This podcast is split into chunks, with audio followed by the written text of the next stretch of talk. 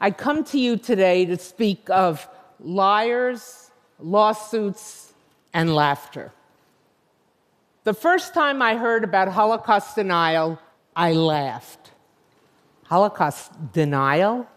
The Holocaust, which has the dubious distinction of being the best documented genocide in the world.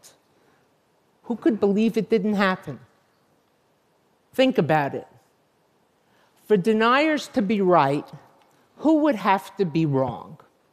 Well, first of all, the victims, the survivors, who have told us their harrowing stories. Who else would have to be wrong? The bystanders, the people who lived in the myriads of towns and villages and cities on the Eastern Front, who watched their neighbors be rounded up men, women, children, young, old and be marched to the outskirts of the town to be shot and left dead in ditches. Or the Poles who lived in towns or villages around the death camps, who watched day after day as the trains went in filled with people and came out empty. But above all, who would have to be wrong? The perpetrators, the people who say, We did it, I did it. Now, maybe they add a caveat. They say, I didn't have a choice, I was forced to do it. But nonetheless, they said, I did it. Think about it in not one war crimes trial since the end of World War II has a perpetrator of any nationality ever said it didn't happen. Again, they may have said I was forced, but never that it didn't happen. Having thought that through, I decided denial was not going to be on my agenda. I had bigger things to worry about, to write about, to research, and I moved on. Fast forward a little over a decade, and two senior scholars, scholars of the Holocaust, two most prominent historians of the Holocaust, approached me and said, Deborah, let's have coffee. We have a research idea that we think is perfect for you. Intrigued and flattered that they came to me with an idea and thought me worthy of it, I asked, What is it? And they said, Holocaust denial. And for the second time, I laughed. Holocaust denial, the flat earth folks, the Elvis is alive people, I should study them. And these two guys said, Yeah, we're, we're intrigued.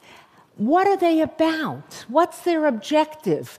How do they manage to get people to believe what they say? So, thinking if they thought it was worthwhile, I would take a momentary diversion maybe a year, maybe two, three, maybe even four. In academic terms, that's momentary. Um, we work very slowly. Um, and I would look at them. So I did. I did my research, and I came up with a number of things, two of which I'd like to share with you today. One, deniers are wolves in sheep's clothing. They are the same Nazis, neo Nazis. You can decide whether you want to put a neo there or not. But when I looked at them, I didn't see any SS like uniforms, swastika like symbols on the wall, Sieg Heil salutes, none of that. What I found instead were people parading as respectable academics what did they have? They had an institute, an institute for historical review. They had a journal, a slick journal, a journal of historical review, one filled with papers, footnote laden papers. And they had a new name not neo Nazis, not anti Semites, revisionists. They said, We are revisionists. We are out to do one thing to revise mistakes in history. But all you had to do was go one inch below the surface. And what did you find there? The same adulation of Hitler, praise of the Third Reich, anti Semitism, racism, prejudice. This is what intrigued me. It was anti Semitism, racism, prejudice parading as rational discourse. The other thing I found many of us have been taught to think there are facts and there are opinions. After studying deniers, I think differently. There are facts, there are opinions, and there are lies. And what deniers want to do is take their lies, dress them up as opinions, maybe edgy opinions, maybe sort of out of the box opinions, but then if they're opinions, they should be part of the conversation. And then they encroach on the facts. I published my work. The book was published denying the Holocaust, the growing assault on truth and memory. Came out in many different countries, including here in Penguin, UK. And I was done with those folks and ready to move on. Then came the letter from Penguin, UK. And for the third time, I laughed. Mistakenly. I opened the letter, and it informed me that David Irving was bringing a libel suit against me in the United Kingdom for calling him a Holocaust denier. David Irving suing me? Who was David Irving? David Irving was a writer of historical works, most of them about World War II, and virtually all of those works took the position that the Nazis were really not so bad, and the Allies were really not so good.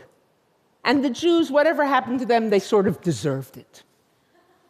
He knew the documents, he knew the facts, but he somehow twisted them to get this opinion. He hadn't always been a Holocaust denier, but in the late 80s, he embraced it with great vigor. The reason I laughed also was this was a man who not only was a Holocaust denier, but seemed quite proud of it. Here was a man, and I quote, who said, I'm going to sink the battleship Auschwitz. Here was a man who pointed to the number tattooed on a survivor's arm and said, How much money have you made from having that number tattooed on your arm?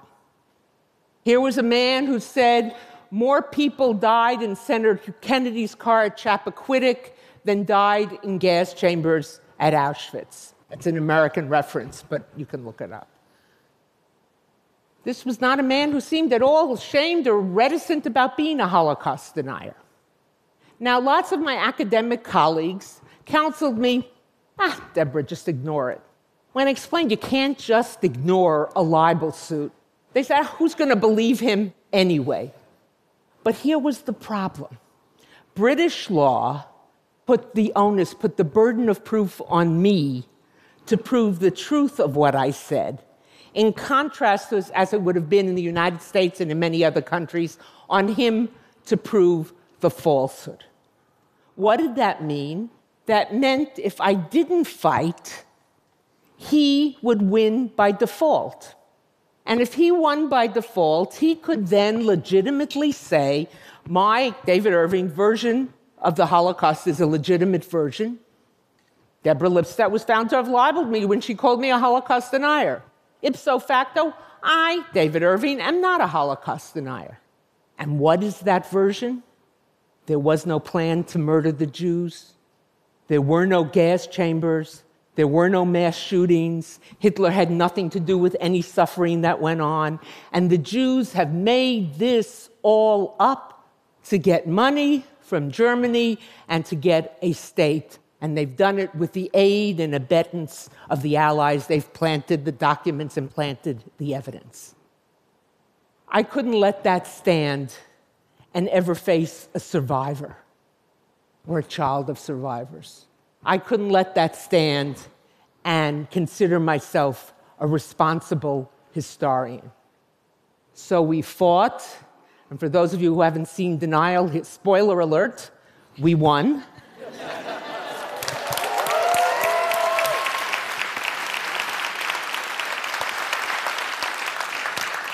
The judge found David Irving to be a liar, a racist, an anti Semite.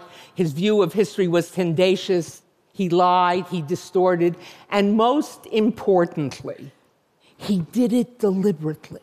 We showed a pattern in over 25 different major instances, not small things. Many of us in this audience write books or writing books. We always make mistakes. That's why we're glad to have second editions, correct the mistakes. Um, but these always moved in the same direction blame the Jews, exonerate the Nazis. But how did we win? What we did is follow his footnotes back to his sources.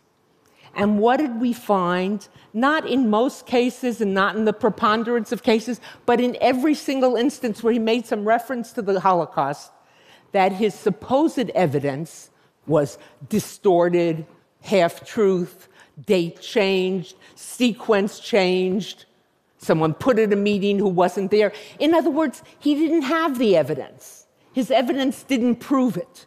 We didn't prove what happened. We proved that what he said happened, and by extension, all deniers, because he either quotes them or they get their arguments from him, is not true. They, what they claim, they don't have the evidence to prove it. So, why is my story more than just the story of a quirky, long, six year, difficult lawsuit, an American professor being, decla- being dragged into a courtroom by a man that the court declared in its judgment was a neo Nazi polemicist? What message does it have? I think, in the context of the question of truth, it has a very significant message. Because today, as we well know, truth and facts are under assault. Social media, for all the gifts it has given us, has also allowed the difference between facts, established facts, and lies to be flattened. Third of all, extremism. It's per, you may not see Ku Klux Klan robes, you may not see burning crosses, you may not even hear outright white supremacist language. It may go by names alt right, National Front, pick your names. But underneath, it's that same extremism that I found in Holocaust denial parading as rational discourse. We live in an age where truth is on the defensive. Uh, I'm reminded of a New Yorker cartoon, a quiz show recently appeared in the New Yorker, where the host of the quiz show was saying to one of the contestants, Yes, ma'am, you had the right answer, but your opponent yelled more loudly than you did, so he gets the point. What can we do? First of all, we cannot be beguiled by rational appearances. We've got to look underneath and we will find there the extremism. Second of all, we must understand that truth is not relative.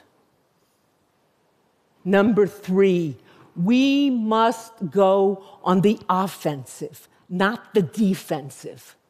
When someone makes an outrageous claim, even though they may hold one of the highest offices in the land, if not the world, we must say to them, Where's the proof?